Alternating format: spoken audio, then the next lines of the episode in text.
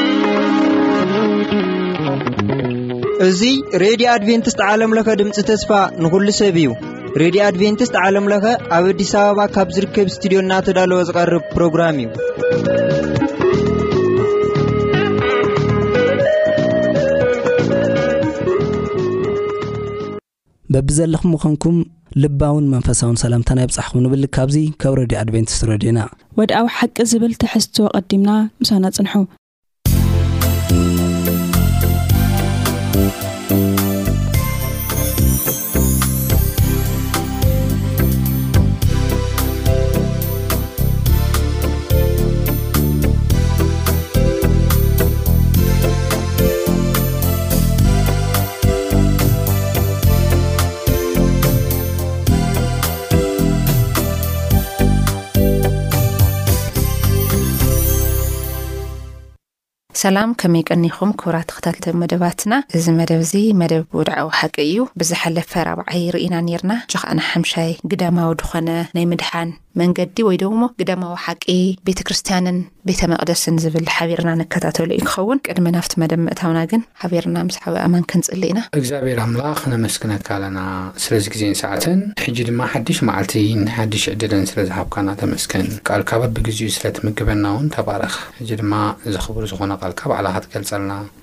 ሓጢኣት በደልና ዓመጽ ክፍኣትና ውን ይቅረ ክትብለና ንልምን ከም ፍቃድካ ውን ኣቁመና ብጎይታና መድሓና የሱስ ክርስቶስ ስም ኣሜን። እዚ ናይ ሎሚ ሰንበት ቤተ ክርስትያንን መስቀልን ዝብል ዕርቂ እቲ ቤተ ክርስትያን መን እዩ እቲ መስቀል እንታይ እዩ ድብል ኢና ሓቢርና ክንርኢ ኣብዚ ምእተዊ ታሪክ እንታይ ይብል ሲ ቀደም እዚ ቤተ መቅደስ የሩሳሌም ወይ ዞሞ ኣይሁዳውያን ደምርኹ ዝነበሩ ቤተ መቅደስ ሲ ኣህዛብስ እንታይ እዮም ድገብሩ ነይሮም ይምነዩ ነይሮም እቲ ዝዝመር ዝነበረ መዝሙር ይሰምዕዎ ነይሮም እቲ ዝግበር ዝነበረ ርሕቀት ኣለዎ ክረግጽዎ ዘይፍቀደሎም ኩሉ እዚ ተኣጊድዎም ነይሩ ብዙሕ ነገር ብዙሕ ነገር ኣህዛብሲ ዋላ ሓደ እዚ ቤተ መቅደስ እንዶም እሱ ዝረገጸ ይመውት እዩ ድብል እንታይ ዓይነት ሕጊ ከም ዝነበረ ኣይርዳእንን ኣነ ኣይዶነ ንምንታይ ብት ስርዓት ንሱ ኣውጽኦምዎ ትርጉም ድዩ ነይርዎ ሓቢርና ንረእዩ ድኸውን ግን እስካ ክንድኡ ኣንሕና ኣህዛብ ዘይተፈቀደልና ቦታ ከም ዝነበረ ግን በቲ ዝሞተ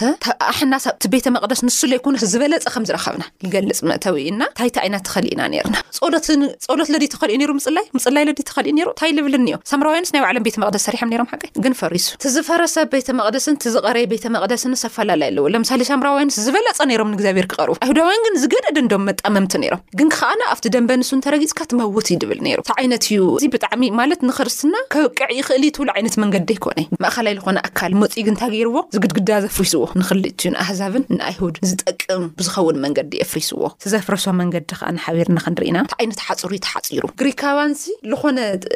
ከምልኹ ደልዮምስ በብርሑቑ እዮም ዝጥምትዎ ነይሮም ይብል። ብጣዕሚ ዘሕዝነኒ ግን እዚ ናይ ምድሓን መንገዲ ዝተረድኦም ቀደሞት ንሶም እዮም። ኣብዚ ናይ ዘመናት ምኞት ከይድና ክንርኢ ከለናስ እቲ ዝዛረቦ ዝነበረ ብደንቢ ይርድኦም ነይሩ። እቲ ኤፍሪ ዝገበሮ ማቴዎስ ወንጌል 23 እንዲዩ ክትወቕሶም ከሎ ፈሪሳውያንሲ ንሶም ይርድኦም ነይሩ ትኽክል ከም ድኾነ እንታይ ዓይነት ሓጽር ጉድግዳ ይፍርስ ከም ዘሎስ ይርድኦም ነይሩ እዞም ግሪካውያን እና እንታይ ዓይነት ሓጽር እንተዝህልው እዩ እንታይ እዩ ክብል ደልዩ ቃል ንሱ። ክልተ ደሓር እውን ክልቲኡ ኣብዚ ሎማዓንቲ ነጽንዖ ሓደ ሓሳብ እንታይ ይብል ሕጂ ግና እቲ ኣቱም ቅደም ርሑቓት ዝነበርኩም ንስኻትኩም ብክርስቶስ የሱስ ብደም ክርስቶስ ኣቀረበኩም ንሱ ነዞም ክልተ ሓደ ዝገበረ ነቲ ኣብ መንጎ ዝነበረ ከልካለ ቀጽሪ እውን ዘፍረሰ ይብለና ከልካለ ቀጽሪ ኣብ መንጎ ግሪክን ኣብ መንጎ ኣይሁድን ኣብ መንጎ እቶም ኣይሁድ ኰይኖም ኣብ ይሁዳ ዝዓበዩን ኣብ መንጎ እቶም ኣይሁድ ኰይኖም ኣብ ግሪክ ዝዓበዩን፣ ሄለኒስቲስት እንብሎም ማለት እዩ፣ ኣብ መንጎ ሰሜናዊ እስራኤልን ኣብ መንጎ ደቡባዊ እስራኤልን ኣፋላላይ ነይሩ። ሜይንሊ እዚ ኣፋላላይ እንታይ እዩ ነይሩ እንተ ደኣ ትብሊ ዄንኪ፣ ኣጉል ዝዀነ ናይ ሰባዊ ኣረኣእያ። እንታይ እዮም ዝብሉ ነይሮም ንሶም፣ ንሕና ጻድቕ ኢና፣ ኪዳንን ተስፋን ንዓና እዩ ተዋሂቡ፣ ሕግታት ንዓና እዩ ተዋሂቡ፣ ታቦት ንዓና እዩ ተዋሂቡ፣ ቤተ መቕደስ ኣባና እዩ ዘሎ፣ ክቡራት ኢና ኢሎም እዮም ዝሓስቡ። ካብዚ እዚ ምሕሳቦም ሽግር ኣይምነበሮን ነይሩ። ግን ካብዚ ወፃኢ ግን ዝሓስቡ ዝነበሩ ኣተሓሳስባ ትኽክል ዘይኮነ ኣተሓሳስባ ነይሩ። ካባና ወፃኢ ዘለዉ ኣህዛብ ክድሕኑ ዘይክእሉ ኦሬዲ ጥፉኣት ትውልዲ ወይ ድማ ጥፉኣት ሰባት እዮም ኢሎም ምሕሳቦም እዮም ትሽግር ነይሩ። ንኣህዛብ ከም ርኹሳት ገይሮም ምርኣዮም እዩ ነይሩ። ንዝሓሙ ከም ርኹሳት ገይሮም ምርኣዮም እዩ ነይሩ እቲ ዓብዪ ሽግር። ትዝክሪ ኢኺ ኢየሱስ ክርስቶስ ውን ሓደ ግዜ ሓቲቶሞ ኔሩ መን እዩ ሓጢኣት ጌሩ ሓደ ሰብ ካብ ብንእስነቱ ዕውር ኮይኑ ተወልደ ኔሩ መን እዩ ሓጢኣት ጌሩ ንሱ ድዩስ ወይስ ወለዱ ኢሎም ሓቲቶሞ ኔሮም ስለዚ ሓደ ሰብ ሓጢኣተኛ ኣሚን ሓሚሙ ማለት ሓጢኣተኛ ጌሩ ይዎ ደፊኒሽን ሓደ ሰብ ካብ ኣይሁድ ወፃኢ እንተ ተወሊዱ በቃ ንሱ ዝተረግመ ሓጢኣት ዝገበረ እዩ ዝጠፍአ ጥፉኡ ትውልዲ ማለት ሓደ ሰብ ኢንፋክት ካብቶም ኣሕዋቶም ዝነበሩ ሰሜናዊ እስራኤል እስራኤል ንክልተ ተኸፊሉ ነይሩ እዩ ሰሜናዊ እስራኤል ከም በዓል ሰማርያ ኮይኑ ማለት ዘኽሓዱ ናይ እግዚኣብሔር ተስፋን ታቦትን ዘይብሎም ሰባት እዮም ኢሎም እዮም ዝሓስቡ ነይሮም ስለዚ ጉጉይ ኣረዳድኣ እዩ ናብዚ ነገር እዚ ኣብፂሕዎም ናብ ከምዚ ዓይነት ምፍራስ ናብ ከምዚ ዓይነት ፅልኢ ዝፅልእ ከዓ ከም ዓብ ቐፅሪ ነዊሕ ኮይኑ ካብ ህዝቢ ንክፈላለዩ ጌርዎም እዩ ካብ ዓለም ክፈላለዩ ጌርዎም እዩ ኢንፋክት እዚ መላኻታ እዚ ኣብ እዮብ እውን ንሪኦ ኢና ንእዮብ ዕረኽቱ እንታይ እዮም ጌሮሞ እዚ ኩሉ ሽግር ዝበፅሐካ ንስኻ እንታይ ስለ ዝኾንካ እዩ ሓጢኣት ስለ ዝሰራሕኻ እዩ ስለ ዝበደልካ እዩ በደለኛ ኢኻ እዮም ዝብልዎ ነይሮም ስለዚ ከምዚ ዓይነት ኣተሓሳስባ ሮንግ ዝኾነ ግጉይ ዝኾነ ኣተሓሳስባ እግዚኣብሔር ገሲፅዎም እዩ ድሓር ኣብ መወዳእታ እዮብ ንክፅልየልኩም ግበሩ ኢልዎም እዩ ከምዚ ዓይነት ግጉይ ኣተሓሳስባ ግን ጽልኢ ከም ዝፈጠረ፣ ክፍተት ከም ዝፈጠረ፣ ኣብ መንጎ ኣህዛብ፣ ኣብ መንጎ ኣይሁድን ክፍተት ከም ዝፈጠረ፣ ነቶም ኣይሁድ እውን ክጸልዎም ከም ዝገበሩ፣ እዚ ቅስ ክፍተት ከኣ ልክዕ ከም ዓቢ ቀጽሪ ተሰሪሑ ኣዝዩ ከም ዝፈላለዮም ኢና ንርኢ ማለት እዩ። እቲ ምክንያት እዚ እዩ። እቲ ሓጹር ዝበልካዮ ከኣ ንእግዚኣብሄር ዘቸገረ መንገዲ ነይሩ። ኣብ ልኾነ እዋን ተስታውስ ኔርካ ተኾይንካ እግዚኣብሔር ኣብዚ ሙቹ ቦታ ከቕምጦም ከሎ ለምሳሌ ስደተኛታት ገይሩ ሰብዓ ዓመት ባቢሎን ከቕምጦኾን ነዛ ምድርለስ ክሰብኩላ በዘገ ብዝረኸቡ ኣጋጣሚ ወንጌል ክነግሩ እዩ ናቱ ድሌት ነይሩ እሶምስ ንዓለም ብርሃን ምክንያቱ ካብ ብዙሕ መከራ ስለልተረፉ እግዚኣብሔር ከዓ ንኦም ብዙ መከራ ዝሕሊፉ ፅቡቕ ነገር ክገብርሉ እዩ ነይሩ ናቱ ድሌት ብግን ብግልባጥ ኮይኖም ንሶም እንዶም ኣብ ምንታይ እየ እንዳበልኩስ ክጥቀመሎም ዝሓሰበ ዝነበረ መልክዕስ እንደገና ገልዊጦም እግዚኣብሔር ለይፈልጡ ዓይነት ኣጀንዳ እዮም ተጠቂሞም ቤተ መቕደስስ ንኸምኡ ኣይኮን እዩ ነይሩ እቲ ውዕለቱ። ምኽንያቱ እስራኤላውስ ክምካሕ ኣይክእልን፣ ንዘመኑ ምሉእ ስደተኛ ዝኾነ ባርያ እዩ። ከይትርስዑ መንነትካ ሓቀይ ይብል። ሂብረው እዩ እኮ ሂብረው ከዓ ስደተኛ ማለት እዩ፣ ካሊእ ትርጉም የብሉ። ግን ረሲዖምስ ዓንዲሮምስ እግዚኣብሔር ዝፈጠሮ ፍጡር ከዓኒ ሓፅር ጉድግዳ መስሪቶምስ ስኻ ዝግበእካ ስኻ ዘይግበእካ ባይዘወይ ንኣህዛብ ጥራሕ ኣይኮነ ከምቲ ትገልፆ ዝነበርካ ንናይ ባዕሎም ዓሌት ከይቀር ክገዳደፉ ዝግብኦም ክሰርሕዎ ዝግብኦም ስራሕ ካሊእ እንዳሃለየ ክሰርሑ ከም ደይከኣል የርእየና እና ስለዚ እዚ ክሰርሕ ድኽእል ብማእኸላይ ግዜ መፅዩ ክለዓል ዝግብኦ ኣካል ተደልዩ ንሱ ከዓ ንመፅዩ ኣስተኻኺልዎ ዶ እወ ኣስተኻኺልዎ ርኢናዮ ይፍተው ኣይፍተው ፈሪሳውያን ኣይሁዳውያን ዝመንነቶም ዝኹሉ ተቐንጢጡ ሽዑ ምድሓን እኳ ንመን ኮይኑ ንኣህዛብ ካብ ሰማ ካብ ናብ ሰማርያ መጀመርያ ዝተቐበልዎ ሰማርያውያን እዮም ሽዑ ከምኡ ከምኦም እንዳለ ንዓለም መላእ እቲ ወንጌል ተነጊሩና ቅፅል ኢልና ክንርኢ ከለና ከዓኒ እቲ ይቅርታ ዝተረኸበ እዚ ኩላይ ዝነጉዐ ደለና ዝተረኸበ ከዓኒ ካብ መስቀል ዝተዋሃበ ናይ እግዚኣብሔር ስጦታ እዩ እሱ ምስ ከፈሎ እዩ ለምሳሌ ዝኸፈሎ ምስ ቴፓት እንዳረእና ነርና መስቀል ተዘይወፅእ ነይሩ እዚ ኩሉ እዚ ምድራዊ ንሳቀዮ ዝነበርና ኣህዛብ ባዕሎም ንባዕሎም ኣይሁድ ዝገብርዎ ዝነበሩ መንገዲ ክቕፅል ነይሩ ስለዚ እዚ ኩሉ እቲ ግድግዳ ፈሪሱ ዘሎ ከዓኒ ካብ እግዚኣብሔር ዝተዋሃበ ስጦታ ከም ዝኾነ ይነግረና ማለት እዩ ግን ኣብ መስቀል እንታይ እዩ ተሰሪሑ ብዙሓት ዝተኣሳሰሩ ገመዳት ከም ዝተበጠሱ ዝገልፅ ቦታ እዩ ኢሎም ሓደሓደ ፀሓፍቲ ይነግሩ ብዙሓት ፀሓፍቲ ከዓኒ ኣብ መስቀል እዚ ንዝንዝን ጥራሕ እዮም ተወጊዶም እዚ ንዝን ኣይተወገዱን ደስ ኩሎም ከሎ ዓለም ትሪኦ ዘለካ ሕጊ እውን ተወጊዱ ኢሎም ይገልፁ ተመስቀል ዝተዋውና ስጦታ ድያ ዓለም ወሲዳ ወይስ እቲ ዝተወገደን ዘይተወገደን እያ ኣባላሽያ ቀርያ። ኣብ መስቀል ከ እንታይ እዩ ተገይሩ? ኣብ መስቀል ዝተገብረ ነገር ኣብኡ ኣብ ኤፌሶን ምዕራፍ ክልተ ክቡራት ተኸታተልቲ ንምክትታል ምእንቲ ክጥዕመኩም ሎሚ እናረኣናዮ ዘለና ኣብ ኤፌሶን ምዕራፍ ክልተ ካብ ዓሰርተ ሓደ ጀሚሩ ክሳብ ዓሰርተ ትሽዓተ ወይ ድማ ክሳብ ዒስራ ዓሰርተ ትሽዓተን ዒስራን ሓቢሩ ስለ ዘሎ ክሳብ ዒስራ ዘሎ ሓሳብ ኢና እናረኣና ዘለና እሞ እንታይ ይብል ኣብዛ ሓሳብ እዚ ከድና ኣብ ንሪኤሉ እዋን ስለዚ ከኣ ኣቱም ኣህዛብ ብስጋ በታ ኢድ ሰብ ዝተገብረት ግዝረት እትበሃል ቀደም ዘይግዝረት ከም እተባሃልኩም ዘክሩ በቲ ዘመን እቲ ብዘይ ክርስቶስ ከም ዝነበርኩም ካብ ሕብረት እስራኤል ፍሉያት እቲ ኪዳን ተስፋውን ኣጋይሽ ትጽቢት ዘይብሎም ኣብዛ ዓለም እዚኣን ብዘይ ኣምላኽ ከም ዝነበርኩም ዘክሩ ምስ በለ ሕጂ ግና ቀደም ርሑቓት ዝነበርኩም ንስኻትኩም ብክርስቶስ የሱስ ብደም ክርስቶስ ቀረብኩም ይብለና ንሱ ነዞም ክልተ ሓደ ዝገበረ ነቲ ኣብ መንጎ ዝነበረ ከልካሊ ቀጽሪ እውን ዘፍረሰ ሰላምና እዩ። ብርእሱ ዕርቂ እናገበረ ካብዞም ክልተ ሓድሽ ሰብ ምእንቲ ክፈጥር እቲ ነቲ ጽልኢ ንሱ ኸኣ ሕጊ ትእዛዝ ብስርዓት ብስግኡ ስዒሩ ይብለና ኣብዚ ሓሳብ እዚ ኸይና ንርእየሉ እዋን ማለት እዩ ስለዚ እንታይ እዩ ዘምህረና ኣብዚ ክርስቶስ ኣብ መስቀል ዝገበሮ ነገር እቲ ቐጽሪ ናይ ምፍራስ እዩ ሰሪሑ ማለት እዩ ኢንፋክት ሓጢኣት ኣፋላላይ ፈጢሩ። ኣብ መንጎ መን መን? ቀደም ኢለ ከም ዝበልኩዎ ኣብ መንጎ እግዝኣብሄርን ኣብ መንጎ ደቂ ሰባትን ሓደ ኣብ ዘፍጥረት ምዕራፍ ሰለስተ እኳ ክንሪኦ ከለና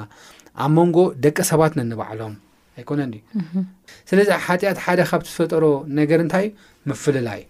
እዚ ምፍልላይ ከዓ ማዕቢሉ ዓብዩ ዓብዩ ዓብዩ ከምዚ ቅድም ኢልና ንብሎ ዘለና ብዙሕ ኣመላኽኽታታት ፈጢሩ እቲ ቐጽሪ ናይ ጽልኢ ከም ዝዓበየ ኢና ንርኢ። ስለዚ ናይ የሱስ ክርስቶስ ዋና ዓላማ ኣብ ዝሓለፈ እውን ርኢናዮ ኢና the grand purpose of ወይ ድማ እቲ ዓብዪ ናይ እግዚኣብሔር ዓላማ እንታይ ንምግባር እዩ ዝጽልኢ ኣፍሪስካ ሓደ ናይ ምግባር እዩ እቲ እንታይ ሽሙ ስለዚ ነቲ ቀጽሪ ከም ዘፍረሶ ናይ ቀጽሪ ጽልኢ ከም ዘፍረሶ ኢና ንርኢ ካብ ዝገርም ኤፌሶን ቤተ ክርስትያን ግሪክን ኣይሁድን ሰማራውያንን ወይ ድማ ሰሜን እስራኤልን ደቡብ እስራኤልን ኮፍ ኢሎም ሓቢሮም ዘምልኹላ ንእግዚኣብሄር ቸርች እያ ተመስሪታ። ቀደም ዘይረኣኣዩ ሰላም ዘይበሃሉ ዘይጨባበጡ እዚ ርኹስ ተ- እናተባህሉ እዚ ግብዝ እናተባህሉ ዝፀዋውዑ ዝነበሩ እዚ እኮ ንጥፍኣት ተመደበ እኮ እዩ እናተባህሉ ዝዘራረቡ ዝነበሩ ማሕበር ኤፌሶን ግን እንታይ እያ ኮይና ፅልኢ እንታይ ሽሙ ኮይኑ ሲ እቲ ግሪክ ምስ ኣይሁዳዊ እቲ ኣይሁዳዊ እንደገና ምስቲ ሰሜናዊ እስራኤል ወይ ድማ ምስ ሳማርያዊ ኮፍ ኢሉ ክዕልል ክጽዖት ከሎ ኢና እዚ ብምንታይ እዩ ተፈጢሩ ክትብልዮ ከለኺ ብናይ ክርስቶስ ሞትን ትንሳኤን እዩ ናይ ክርስቶስ ሞትን ትንሳኤን ዕርቂ ፈጢሩ እዩ ዝብለና ዘሎ ንሕና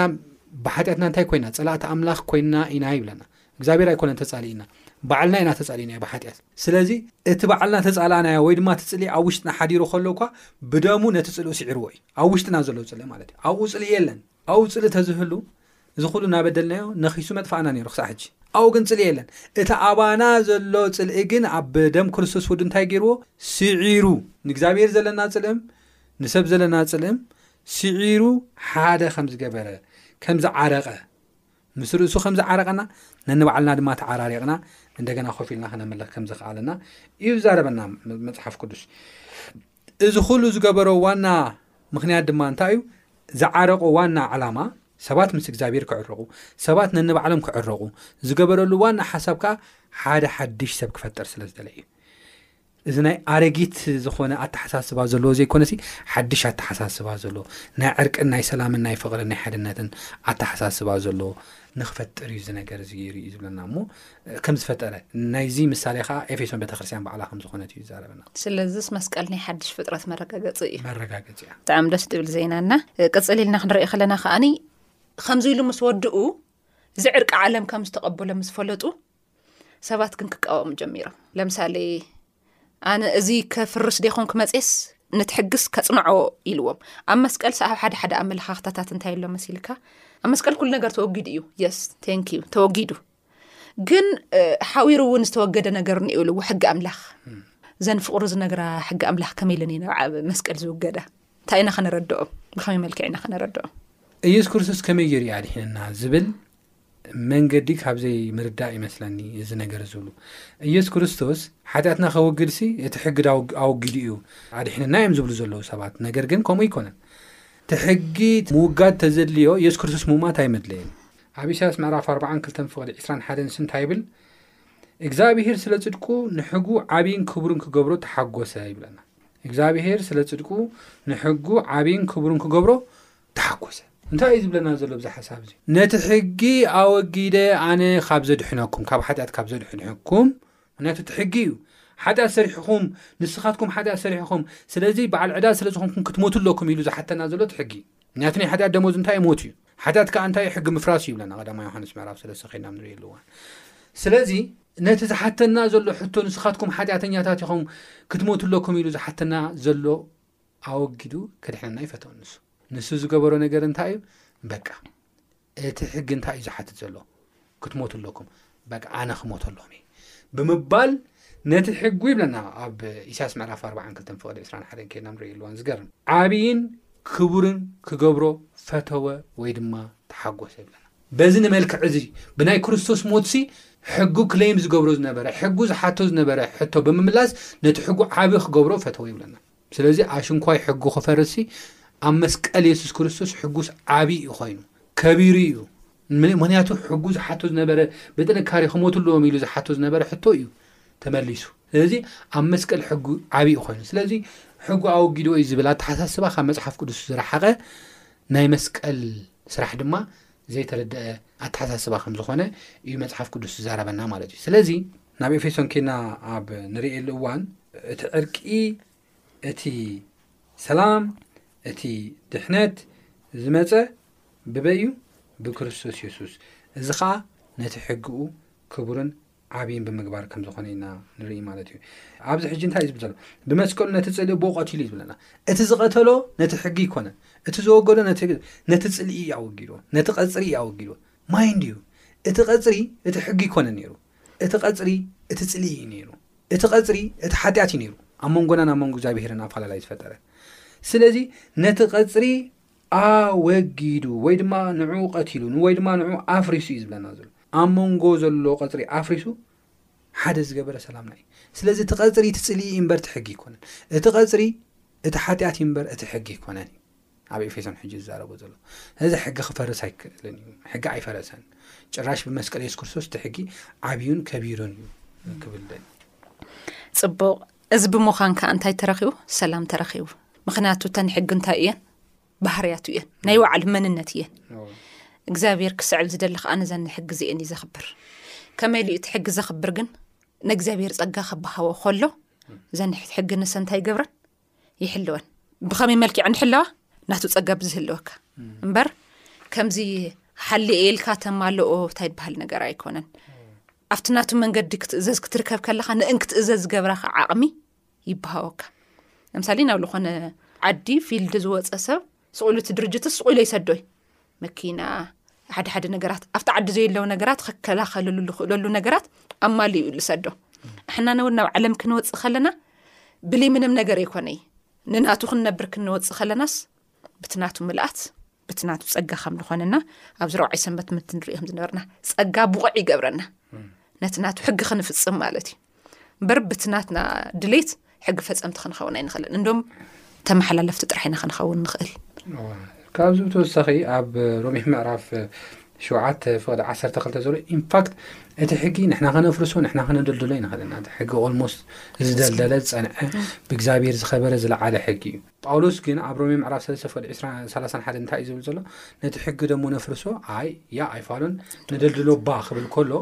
ብገዛእ ኮንቴክስት እዩ ስለዚ ነቲ ሕጊ ዶ ንሕና ንግደፎ ዶ ኣይንግደፎ ንምንታይ እግዚኣብሔር ዘኽብሮ ከመይ ጌርና ንገድፎ እዩ ናይ ጳውሎስ ኣርጊመንት ኣብ ሮሜ ምዕራፍ ሸውዓተ ፍቕዲ ዓሰርተ ክልተ እውን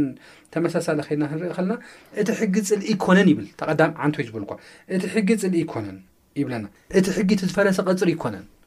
እቲ ሕጊ ሓጢኣት ኣይኮነን ይብለና ማይ እንድዩ እቲ ሕጊ ቅዱስ እዩ እቲ ትእዛዙን ቅዱስን ጻድቕን ሰናይን እዩ ስለዚ ነቲ ቅዱስን ሰናይን ጻድቕን ከመይ ጌርና ከነፍርሶ ንኽእል ኢንፋክት ንሕና ናይ ምፍራስ ስልጣን ውን የብልናን ስልጣን ኣይተዋህበናን መን ኢና ንሕና ናይ እግዚኣብሔር ሕጊ ነፍርስ መን ኢና ከነወግድ ንኽእል ማንም ክወግድ ኣይከልን ናይ እግዚኣብሔር ትእዛዝ ስለዚ ኣይተወገደን እግዚኣብሔር እውን ኣየወገዶን ኢና ንብል ዘለና እግዚኣብሔር ዘየወገዶ ፈሪሱ እዩ ኢልና ኣይነፍርሶ ባዕልና ናይ ምፍራስ ደይፈረሰ ሕጊ ፈሪሱ ኢልና ንእምሮና እናኣመና ካብኡ ኣይንርሓቕ ክብል እየ ዝደሊ እወ ፅቡቕ ናይ መወዳእቲ ሓሳብ ክኾነልና ከዓኒ ናይ ሰላም ሰባኺ እና ቤተ ክርስትያን ከም ቤተ መቅደስ እቲ ናይ ሰላም ሰባኺ እታ ቤተ ክርስትያን ከም ቤተ መቅደስ ገይርዋ እቲ ናይ ሰላም ሰባኺ ክብራት ተኸታተልቲ ሰማዕትና ክርስቶስ እዩ ሓደን ሓደን ብድፍረት ስለ ሰላም ዝሰበኸ ባይዘወይ እዚ ናይ ሰላም ሰበኸ ኣበሎ ኣብ ምንታይ ሰዓት ከም ዝመፀ ተስታውሱ ዲኹም ኣይሁዳውያን ብሮማውያን ንገዛእቲ ቤተ መቅደሶም ዝረከሱ እዋን ቄሳራዊ ስርዓት ፈሪሳዊ ስርዓት ኣይሁዳዊ መንነት ዝተበላሸየሉ እዋን ኣብታ ሰዓት ንሳ እዩ ክርስቶስ ተገሊጹ ኣህዛብ ከዓ ንታይ ይደልዩ ነይሮም ቤተ መቅደስ ኣቲ ከም ግልጋል ይደልዩ ነይሮም ብዙሕ እንታይ ድበሃል ዝተገበረሉ እዋን ንነይ ባዕሎም ፍትሒ ዝደልሉ እዋን ነይሩ ዝተዛብዐ ፍትሒ ነይሩ ብብ ዝተፈላለዩ ኣንፈት ኣብ ንእሽተ ኣብ ዓው እዩ ኣይሁዳውያን ኣብ ልዕሊ እዞም ናይ ባዕሎም ፈሪሳውያን ከዓኒ ኣብ ውሽጢ ቤተ መቕደስ ሙሴ ዝጸሓፉ ሕጊ ካልእ እንዳሃለይ ካልእ እንዳጣመሙ ኣብዝዑ ሰዓት ኣብቲ ሽዑ ሰዓት ንምንታይ እዮም ንክርስቶስ ብዙሓት ሰዓብቲ ሓቂ ረኪቡ ፀፀሚኦም ስለ ዝነሩ እዮም ስለዚ ናይ ሰላም ሰባ ክተባሂሉ ሰላም ደልዮም ሰላም ረኪቦም ካብ ክርስቶስ ዕረፍቲ ደልዮም ዕረፍቲ ፀጋ ደልዮም ፀጋ ከዓ ንረኪቦም ካብ ክርስቶስ ከመይ ኣብኡ እዩ ጥራሕ ዝርከብ ነይሩ ብዙሕ መንገድታት ንርእና እዚ ዚ ከም ናይ ሰላም ዝኮነ ክርስቶስ እታ ቤተ ክርስትያን ከም ቤተ መቅደስ ከም ሓንቲ ቤተ መቅደስ ክብራህርሃ ከሎ ንርእና ኢል ዓንቶ እንዳገለጽካዩ ነርካ ግሪካውያን ሳምራውያን ኣይሁዳውያን ፈሪሳውያን ዘምልኹላ ቤተ መቅድ ቤተ ክርስትያን እያ እዛ ናይ ኤፌሶን ቤተ ክርስትያን እና ግን ከመይ ኢሎም እዮም ናብ ሓደ መፅኦም ሓፅር ጉድግዳ ነይርዎ ከመይ ኢሉ ኮይኑ እዚ ነገር እዚ ኣብ ኤፌሶን መራፍ ክልተ ፍቅሪ 1ሸ ክሳብ 18 ዝዘረቦ ሓሳብ ኣሎ ንክልቴና ይብል ንክልቴና ክብል ከሎ ጳውሎስ ከም ኣይሁዳዊ እዩ ዝዛረብ ዘሎ ንኣነ እውን ከም ኣይሁዳዊ እዩ ዝብል ዘሎ ንስኻ እውን ከም ግሪካዊ ወይ ድማ ከም ሳምራዊ ወይ ድማ ንስኻ ከም ኣህዛብ ንኽልቴና ይብል ብኡ ብሓደ መንፈስ ናብ ኣቦ መእተዊ ስለ ዘለና ከዓ ይብለና ብሓደ መንፈስ ኢና ክንኣቱ ንኽእል ናብ ሰማይ ዳትሲት ኣይሁዳዊ ስለ ዝኾንካ ትብለጸሉ ወይ ድማ ዝሓሸ ትኾነሉ ምንም ነገር የለን ኣነ እውን ኣህዛብ ስለ ዝኾንኩ ተኣሽሙ ዝኾነሉ ነገር ብሓደ መንገዲ ኣታ መእተዊት ብሓደ መንፈስ መንፈስ ቅዱስ ብሓደ ክርስቶስ ብኡ ያታ መእተዊት እና ብሓደ መንፈስ ናበቦ እንታይ ኣለና መእተወ ኣለና እታ ንኣትወላ መንገዲ ሓንቲ እያ ንስኻትኩም ይብል ርሑቓት ኢኹም ነርኩም ርግፅ እዩ ስለዚ ነቶም ርሑቓት ዝነበሩ እንታይ ኢልዎም የሱስ ክርስቶስ ብመንፈስ ቅዱሱ ገይሩ ሰላም ኣበሰረኩም ፅለ ኣወጊዱ ሰላም ኣበሰረኩም ዕርቂ ኣበሰረኩም ምሕረት ኣበሰረኩም በቃ ሰላም ኮይኑ እዩ ክባርኸኩም እዩ ሓድነት ኮይኑ እዩ ኢሉ ኣበሰረኩም ኣለና ነቶም ንሕና ወይ ድማ ንዓና ቀረባ ዘለና ከዓ ይብል ጳውሎስ ክዛረብ ከሎ ንዓም እንታይ ገበሮም ሰላም ኢሉ ኣበሰረም ይብለና ስለዚ ንሱ ሰላምና እዩ ሰላም ዝሃበና ሰላምና እዩ ኣብ መንጎ ኣህዛብ ዝነበረ እቲ ግድግዳ እቲ ቅፅሪ ኣፍሪሱ ሰላም ዝገበረ ሰላምና ይብል ጳውሎስ ኣብ ኤፌሶን ምዕራፍ ክልተ ፍቕዲ 14 ከይና ንርኢ ኣለዋ ሰላምና እዩ እግዚኣብሔር ይመስገን ስለዚ በዚ መልክዕ እዚ እቲ ፅልኢ ኣወጊዱ ሰላም ሰቢኹ ሰላም ከም ዝገበረ ኢና ንርኢ ኢንፋክት ኢየሱስ ክርስቶስ በዚ መልክዕ እዚ ከምቲ ኣብ መጀመርያ ዝበልክዮ ናይ ሰላም ሰባኺ እዩ ናይ ሰላም ሰባኺ እዩ ናይ ፅልኢ ሰባኺ ኣይኮነን ናይ ጥፍኣት ሰባኺ ኣይኮነን ኣመንቲ ክርስቶስ እውን ናይ ሰላም ሰባኽቲ ክኾኑ ኣለዎም ዝብል ሓሳብ ኣለኒ ኣብዚ ነጥቢ እዚ ከይና ንሪኦ ኣለዋን ካብ ክርስቶስ ሓሳብ ንወስዶ ነገር ማለት እዩ ስለዚ ጳውሎስ እውን ልክዕ ከምታ ክርስቶስ ዝገብራ ዝነበረ ናይ ሰላም ሰባኺ ኮይኑ ከም ዝሰበኸ ኢና ንርኢ ኣብ ቁፅሪ 11 ክሳብ 13 ኸይና ንርኢ ኣለዋን እቶም ርሑቓ ዝነበሩ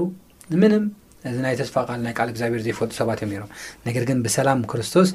ዝመፁ ኣብ ሓደ ወንበር ድማ ምስቶም ኣይሁድ ምስቶም ቀረባ ዝነበሩ ሰባት ድማ ከምለ ከም ዝኸኣሉ እዩ ዝዛረበና እሞ ብጣዕሚ ዝገርም እዩ ደብ ደስ ዝብል መወዳእታ ብኣርከስ ኩራት ሰማዕትና መጀመርያ ላይ ፎቴና ይኮና ንቲ ናይ ምድሓን ተቐቢልናዮ ፈትኡ ይህውና ካብ ፈተወና ከዓኒ እዚ ናይ ሰላምና ምክንያት ኮይኑ ስለዚ ንሕና ከዓኒ ንስኻስ እንታይ ክትኸውን ተዓዲምካ ኢልዎ ነዳ ቐፍሩስ ስለዚ እ ዘይከውን ዝነበረ ግድግዳና ኣፍሪሱ እንታይ ገይርና ኣብ ሓደ መኣዲ ስለ ክርስቶስ ጥራሕ ክንገር እቲ ክርስቶስ ከዓኒ ሂወት ምስ ትርፉ ዝኾነ ንዓለም ክነበስር ጳውሎስ ዝተዘይተርፍ ነይሩ ኣይምተናገረን ክርስቶስ ብዛዕባ እዚ ተዘይከውን ነይሩ ንዓለም ኣይምስተረፈን ወይ ደሞ ጳውሎስ ዝህይወት እዚ ተዘይፋለጥ ወይ ተዘይፈልጥ ነይሩ ንዓለም ኩለይ ኣይምተረፈን ከመይ ክርስቶስ ዝሓዘ ኩሉ ግዜ ሰላም ኣለዎ ዕረፍቲ ኣለዎ ተስፋ ኣለዎ እምነት ኣለዎ ኣይወድቕን ኣይሃምምን ትፍልጠቶም ምንታይ እዩ ኣብ ክርስቶስ እዩ ምክንያቱ ክርስቶስ ተረቲዑ ኣይፈልጥን ክርታዕ እውን ኣይክእልን ኩል ግዜ ከዓኒ እዘይከውንን እዘይከውንን ዝበሃል ናይ ዓለም ኣጀንዳታት ኩል ግዜ ብጎንፃዊ መልክዕ ዘይኮነስ ፍትሒ ብዘለዎ መልክዕ ዓፅሪ ከምዝኸደ ኢና ንርኢ ምድራዊ ለምሳሌ ሙሴ ኣቢልዎ ለኸደ ሙሴ ግጉይ ዝኾነ ስራሕ ይኮነ ተናጊሩ ከይዱ ድሕሪኡ ድሕሪ ነዊሕ ዓመታት ግን እቶም ፈሪሳውያን ቤተ መቅደስ ምስ ሃነፁ ብናይ ሮም ግዜ ግጉይ ልኾነ ኣመለኻኽታታት ኣብቲ ቤተ መቕደስ ሓኒፆም ሙሴ ዝፅሓፎ ሙሴ ፅሒፉሎም ሂዎም ዝኸደ ኣብዛ ዳግም መፅሓፍ ከይድኩም ክተንቡ ትኽእሉ እዩ ግጉይ ዝኾነ ነገር ኣይነበረ ግን ንሶም ኣጣሚሞሞ እቲ ዝተጣመመ ግን መን ኣስተኻኺልዎ ክርስቶስ ትዝረሓቐ ቕሪእዎ ትዝተፀለአ ክፍተው ገይርዎ ትዝተንዓቐ ክቢርዎ ስለ እዞም ሰባት እዚኦም ኩሎም ከዓኒ ኣብ ሓደ መዓዲ ክርስቶስ ዝተኸበሩ ሰባት ኮይኖም ብኣርከስነት ዝሰምዑና ሰባት ናባት ኣብዚኣ ሓንቲ ክስኸንብብ ይደሊ ሳለሚመርሓባዳእኺ ፅቡቅ ሓሳብ ይክሂብኪ እግዚኣብሔር ይባራኪ ፅቡቅ መደምደምታ ይክሂብኪ ነርኪ እና ስለዚ ሰላም ኢሉ ነቲኦም መሰምፆኦም ነቲኦም መሰምፆኦም ክርድእዎን ክዝክርዎን ዘለዎም ሰባት ሕዚ ኣብ ሓደ ወንበር እዮም ኢለክሎ እቲ ግሪካዊ እውን እቲ ኣይሁዳውን እቲ ኸሳስውን እቲ ተኸሳስውን እቲ ነዓቕውን ተተነዓቕውን ኣብ ሓደ ወንበር ኮፍ ኢሎም እዮም ብክርስቶስ ዘምልኹ ዘለዉ ስለዚ ክሓስብዎ ዘለዎም ነገር እዚ ናይ ክርስቶስ ሜንታሊቲ እዩ ከምኣ ኢልካ ኮፍ ክትብል ኣለካ እዩ እዚ ናይ ክርስቶስ ሓይሊ እዩ ገይርዎ ኣማይት ዓመታት ማይንድ እዩ እዮብ መፅሓፍ እኮ እዮብ መፅሓፍ ብዙሓት ናይ መፅሓፍ ቅዱስ ምሁራት ኣብ ግዜ ሙሴ እዩ ተጻሒፉ እዮም ዝብሉ። ካብኡ ዝጀመረ ኣመለኻኽታ እዩ። እዚ ናይ ትዕቢት ናይ ጽልኢ ኣመለኻኽታ ዴቨሎፕ ዝኾነ ንኣሽሓት ዓመታት ዝዘለቐ እዩ። ክፍታሕ ዘይከኣለ ካብ ግዜ ናብ ግዜ ይልቁን እናዓበየ እናማዕበለ ዝኸደ ጽልኢ እዩ ነይሩ። ክፍታሕ መፍትሒ ዝተሰኣነሉ ሓደ እኳ ዓራቂ ዝተሰኣነሉ ጉዳይ እዩ ብክርስቶስ ዓራቂ ረኪቡ ኣብ ሓደ ቤተክርስትያን ከምልኹ ዝከ ብጣዕሚ ዝገርም ነገር ማለት እዩ ዘደንቕ ነገር እዩ ስለዚ ጳውሎስ ክዝክርዎ ዝደለዮ ነገር ወይ ድማ ከንብብዎ ዝደለዮ ነገር ሓደ ነገር ኣሎ ንሱ ድማ እንታይ እዩ እምበኣርሲ ይብል ንስኻትኩም ሕጂ ብሓደ ወንበር ኮፍ ኢልኩም ዘለኹም ናይ ክርስቶስ ሜንታሊቲ ናይ ክርስቶስ ሰላም ተቐቢልኩም ኮፍ ኢልኩም ዘለኹም ይብል ኣብቲ የብሲት ክርስቶስ ባዕሉ እምኒ መኣዝን ዝኾነ መሰረት ነብያትን ሃወርያትን እተነደቕኩም ደጊም ደቂ ዓዶም ንቕዱሳን ስድራ ቤቱ ንኣምላኽ ኢኹም እምበር ኣጋይሽን መጻእተኛታትን ኣይኮንኩምን። ስድራ ቤት ኣምላኽ ኢኹም እዩ ዝብሎም። ንሰማይ ንኣምላኽ መጻእተኛታት ኣይኮንኩምን። መጺኹም ዓልካ ሓደርካ ሰላም ደው ኢልኩሞ ትኸዱ ኢኹም። ስድራ ኢኹም። ይቕጽል ኣብ ብዘሎ እቲ ህንጻ ብጎይታ ቅድስት ቤተ መቕደስ ምእንቲ ክኸውን እናተኣሳሰረ ድማ ይዓቢ ኣሎ። ንስኻትኩም ኣብኡ ማሕደር ኣምላኽ ብመንፈስ ክትኮኑ ሓቢርኩም ትህነጹ ኣለኹም ብሓባር ብሕብረት በቲ ናይ እግዚኣብሄር ስራሕ በቲ ናይ የሱስ ክርስቶስ ሞትን ትንሳኤን እንታይ ትገብሩ ኣለኹም ብሓባር ትህነፁ ኣለኹም ብሓባር ተዓብዩ ኣለኹም ንስኹም ስድራ ቤት ኣምላኽ ኢኹም ንስኻትኩም ስድራ ቤት እቲ እቶም ቅዱሳን መላእኽቲ ኢኹም ስድራ ቤት እቶም ኣብ ሰማይ ዘለዉ ንኣምላኽ ዝፈርሁ ሰባት ኢኹም እምበር መጻእተኛታት ኣይኮንኩምን ኣጋይሽ ኣይኮንኩምን እና በዚ ከዓ ትህነፁሎም ክትህነፁ እውን ኣለኩም እዚ ክትሕልውዎ ኣለኩም እናበለ ዘረም ኮሌና ንሪኦ እሞ ከምዚ ዓይነት ኣእምሮ ክህልወና ንሕና እውን እግዚኣብሔር ፀጉ የብዝሓና ኣሜን ተባረኽ ዝነበረና ፃንሒት እዚ ይመስል ብብዙሕ ከም ዝተባረኽኩም ተስፋ ንገብር ክብራት ሰማዕትና ክትረስዕዎ ዘይነደልየ ግን ከምታ ዝተፅሓፈት እያ ንኣኻትኩም ከምታ ዚ ሕጂ ክንዕልላ ዝፀናሕና እያ ብክርስቶስ ዝተፀልአ ፍጥረት ኣብ ምድሪ ዋላ ሓደ የለን ንቀበል ኣይንቀበል ኣንሕና ንእግዚኣብሔር ንፈልጥ ዘይንፈልጥ ዝበሃል ነገር የለን ክርስቶስ ንኣና ከም ዝሞተ ጥራሕ ይፈልጥ ስለዚ ብዚ ጥራሕ ሕጉሳት ኩኑ ማለት ብይ መንገዲ ኣሓራ ክወፅእ ናበይቲ ከይደ እየ ድብል መ ሰባት ብዙሕ ጥያቄ እንተደእሃሊኩም ቀደም ብክርስቶስ ነፃ ከም ዝወፃእና ነገር ግን ኩሉ ግዜ ምስኡ ብምምልላስ ንኡ እንዳኸበርና ብምንባር ከዓ ንዝበለፀ ከም ድኾነ ናኡ ብምምፃእ እቲ ናቱ መንገዲ ብምኽታል ዝበለፀ ከም ድኾነ ብቲ ናቱ ተስፋ ከዓኒ ብቲ ናቱ ርስቲ ኩሉ ግዜ ተስፋ እንዳገበርና ምንባር ከዓ ንዝበለፀ ከም ድኾነ እቲ እንዳገለፅና የፀናሕና እዩ እዚ ነገር ክንገብር ከዓ ንፀጋ ኣምላኽ ምስ ኩላትና ይኹን ተባረኹ ሰናይ ቅነ ናይ መጨረሻ ፀሎት ምስ ሓወ ኣማን ክንገብር ኢና እሺ ኣብ ሰማያት ነብር ቅዱስ እግዚኣብሔር ኣምላኽና ነመስክነካ ኣለና ሰላም ስለ ዘበሰርካና ናይ ሰላም ሰባኺ ስለ ዝኾንካ እቲ ዘይግበር ብሰብ ዘይከኣል ዓብዪ ነገር ጌርካ ድማ ዝተፃልኡ ዓር ካብ ሓደ ቤትካ ኮፍ ኣቢልካ ስለ ትሃንፅ ስለ ትዕቢ ስለ ትልውጥ ነመስክነካ ኣለና እግዚኣብሔር ኣምላኽ ህዝብናን ዓድናን ውን ንሳ ክትሓስብ እግዚኣብሔር ኣምላክ ንሳ ክትዝክር ካብ ክፉእን ካብ ሽግርን ካብ ውግእን ካብ መከራን ካብ ስቃይን ሓጢኣት በደልና ኩሉ ይቅር ኢልካ ምሕረት ክትገብር እግዚኣብሔር ኣምላክ ሰላም ክትገብር ዕርቂ ክትገብር እግዚኣብሔር ኣምላክ ንልምነካ ኣለና እቶም ካብ መረብ ቤቶም ተዛማዛበሉ ናብ መረብ ቤቶም ክመለሱ ንልምነካ ኣለና ኦጎይታ ብሓይሎምን ብኹሉ ነገሮምን ብጉልብቶምን ዝኣምኑ ሰባት ድማ ንስኻ ንልቦም ብሕልሚ ክትዛረብ ንልምነካ ኣለና እግዚኣብሔር ኣምላኽ ብልቢ ብምስትውዓል እውን ማንም ከይተዛረቦም ውግእ ከይገበሩ ጥፍኣት ከይገበሩ ናብ ዘለዎ ክመለሱ ልምነካ ኣለና ካብ ውግእ ምንም ዝተረፈ የለን እሞ እግዚኣብሔር ኣምላኽ ከም ፍቓድካ ክነብሩ ስኻ ርድኣዮም ብጎይታና መድሓና ንስ ክርስቶስ ስም ኣሜን